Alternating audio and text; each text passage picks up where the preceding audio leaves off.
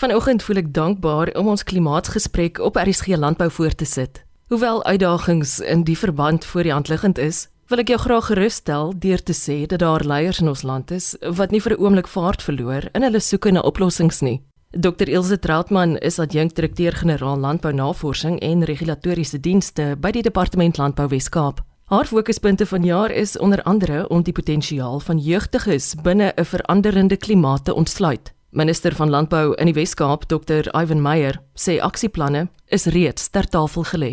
Die 8de Maart het ons ook dan die eerste klimaatsverandering konferensie hier in die Wes-Kaap Een van ons planne is om ook dan 'n klimaatsveranderinge portaal te skep. Daar is 'n bestaande portaal wat uitgebrei gaan word. Ons weet van die droogte portaal wat baie oor hierdie program gepraat was. So hy word omskep en daar is goeie werk reeds gedoen oor opvoeding oor klimaatsveranderinge. Ons hoor my hier en daar van klimaatsverandering en mense skree klimaatsverandering as daar vloede is, as daar brande is en as die temperatuur 40 en 50 grade is. Onlangs hier in die Boland was dit omtrent so 47 grade hier in Wellington.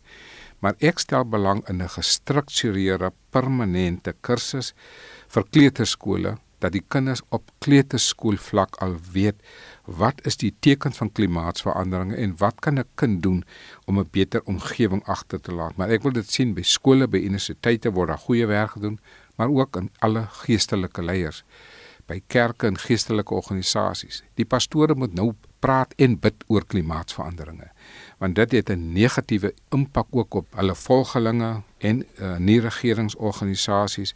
Vir my is dit baie belangrik dat ons meer intens moet fokus. Ek is bly dat die Wes-Kaapse regering, die Wes-Kaapse kabinet nou baie meer prominensie gaan verleen aan hierdie klimaatsveranderinge. Maar dit is nie net iets wat beperk is tot die regering nie. Daarom het ons ook baie planne rondom die sake sektor die banke, die versekeringsbedryf kan baie baat vind by groot werk rondom klimaatsveranderinge en ek is baie trots op baie werk wat reeds gedoen word ook hier by die Wes-Kaapse Departement van Landbou want die grondwet in artikel 24 oor die omgewing en ek gaan nou maar hier uit die Engels uitlê everyone has the right to an environment that is not harmful to their health or well-being Nou ons weet dat klimaatsveranderinge tans soos as ons niks doen nie, gaan dit harmvol wees vir mense se gesondheid en hulle algemene welstand. Maar mense het ook 'n reg tot 'n omgewing wat hulle beskerm en daarom moet ons wetgewing daar kry en hier in die grondwet praat hulle ook spesifiek van konteks van bewaringslandbou. Daarom gaan ons later vanjaar ook die wêreld se 9de bewaringslandbou konferensie hier in die in die Weskaap aanbied. So ek dink die fokus is daar, die aksieplan is daar, die internasionale vennote is daar en soos Dr. Ilse sê, ons werk nou aan die internasionale befondsing. Ek was verlede jaar saam Dr. Mogale was ek ook daar in Italië waar ons gewerk het met die International Fund for Agricultural Development en hulle het ook hiernatoe gekom en daar is groot samewerking. Ek het ook kontak gemaak met die Europese Unie Ek was ook by die ambassadeur in van Duitsland in Pretoria en ons het ook gesprekke gehad oor klimaatsveranderinge met die ambassadeur van Nederland. So ek dink die tafel is gedek hier in die Wes-Kaap om groter fokus te gee, maar nie net binne landbou nie, maar alle fasette van die Suid-Afrikaanse samelewing. Ilse prakties gesproke met ons slim vennootskappe, al die navorsing en die ondersteuning. Hoe gaan dit werk tussen die departement, ons navorsers en boere? Eloise, 'n goeie vraag. Baie dankie vir daardie een. Ja, ons het in November 2023 ook 'n ooreenkoms gesluit met die Universiteit van Stellenbosch se School for Climate Studies, hulle skool vir klimaatskunde. En dit is deel van die pakkie van kapasiteitsbou en navorsing ook binne die departement. En ons sien dat hierdie skool vir klimaatstudies werk ook transdissiplinêr. So hy werk baie wyeer as net landbou, maar hy werk ook op mensvlak en ook op diervlak. Hy gaan hy gaan werklik baie wyd sy studies aanpak en dis vir ons geweldig belangrik om ook die nuwe generasie van navorsers te bou saam met ons vennote en spesifiek saam met die Universiteit van Stellenbosch, maar ook seker te maak dat nuwe inligting na die tafel toe kom. Ons kan nie net met dit wat ons op die tafel reeds het, navorsingsinligting werk nie. Dit moet altyd nuwe voorpunt inligting en voorpunt tegnologie wees. En daarom is ons baie opgewonde want hierdie vennootskappe waarna minister nou verwys het, is nou lekker in 'n prentjie vir ons gepak, 'n lekker legkaart.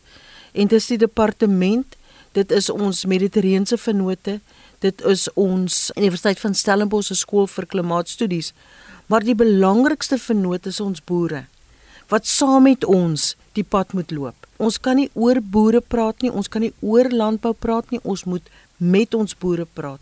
Ons moet saam vorentoe met ons boere praat. Want aan die einde van die dag is dit belangrik om die voedselmandjie vol te hou, propvol te hou met gesonde voedsel, voedsel wat saam met die natuur geproduseer is en wat volhoubaar geproduseer is.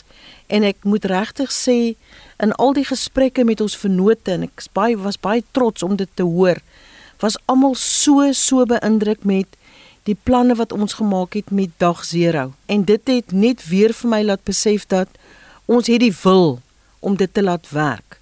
Ons het die amper die bo menslike reg gekry met dag 0 met goeie kommunikasie met die samewerking van ons publiek en ons vennote en ons hoop dat ons werklik hierdie legkaart rondom klimaatsverandering net groter en groter kan maak en nog vennote in ons legkaart kan inpak. Minister Meyer, het al op 'n vorige geleentheid gesê dat ons ambassadeurs van hoop skep hier op RSG landbou. Nou, Moedverloorse vlakte is nie 'n plek wat ek plan het om te besoek nie. Te midde van vloede, temperature hoog en laag, El Niño. Hoe gaan ons nog steeds ambassadeurs van hoop skep? Dis 'n baie belangrike vraag en ek is baie trots op wat Dr Ilse vir die afgelope 2 jaar bereik het. Want sy het ambassadeurs van hoop geskep in die landbousektor onder die jeug spesifiek ten opsigte van klimaatsverandering. Vir die afgelope 2 jaar het sy jeugambassadeurs geskep vir klimaatsveranderinge. Sy het 'n uh, jeug klimaatsveranderinge konferensie aangebied en die jeug het die leierskap geneem. En ek het daardie video's gesien, die getuieskrifte, die entoesiasme, die passie want die jeug moet 'n beter lewe vir ons agterlaat. En ek is baie trots dat ek daar gesien het hoe die jeug reeds optree as ambassadeurs van hoop in terme van die konteks van klimaatsverandering. Hulle het eienaarskap geneem.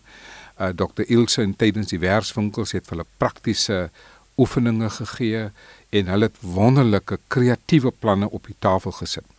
Hierdie jaar gaan ek vir die spreker van die Weskaapse Parlement vra, want jaarliks vier ons 16 Junie jeugdag Hy gaan 'n formele skrywe van my kry wat ek hom gaan vra om van jaar sy jeugdagvieringe in die jeugparlement van die Weskaap eksklusief te fokus op twee areas. Op een area is die jeug en klimaatsveranderinge. So ons gaan 'n jeugdag debat hê tydens 16 Junie in die Weskaapse parlement die planne van die jeug om klimaatsveranderinge proaktief te bestuur.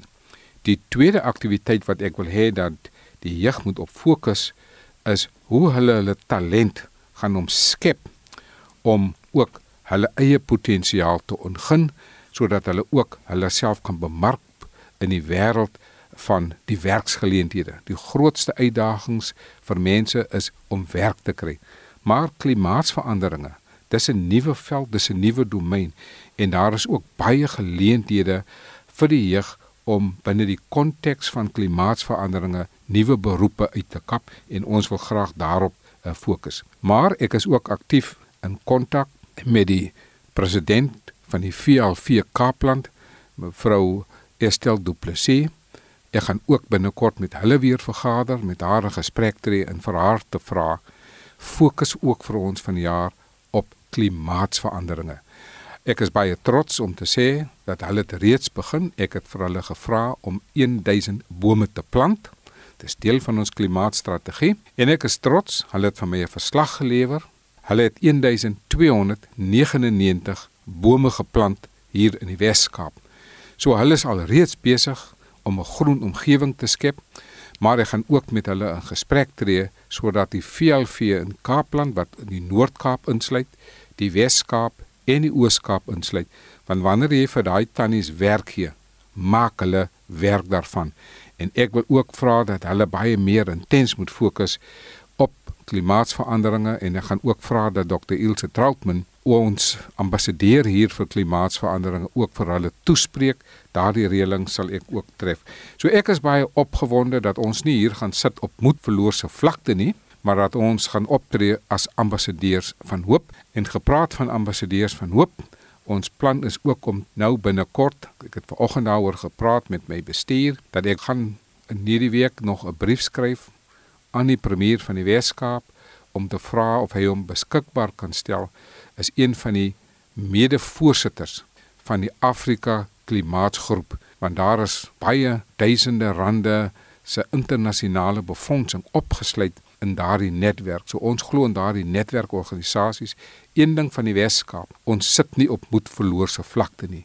Ons skep ambassadeurs van hoop deur middel van vennootskappe en ek is trots dat Agri Weskaap reeds enorme werk gedoen het en hulle is saam met ons en Landbou Weekblad Chris Birds is hulle deel van ons projek om te kyk na groter bewaringslandbou en die impak daarvan hier in die Wes-Kaap.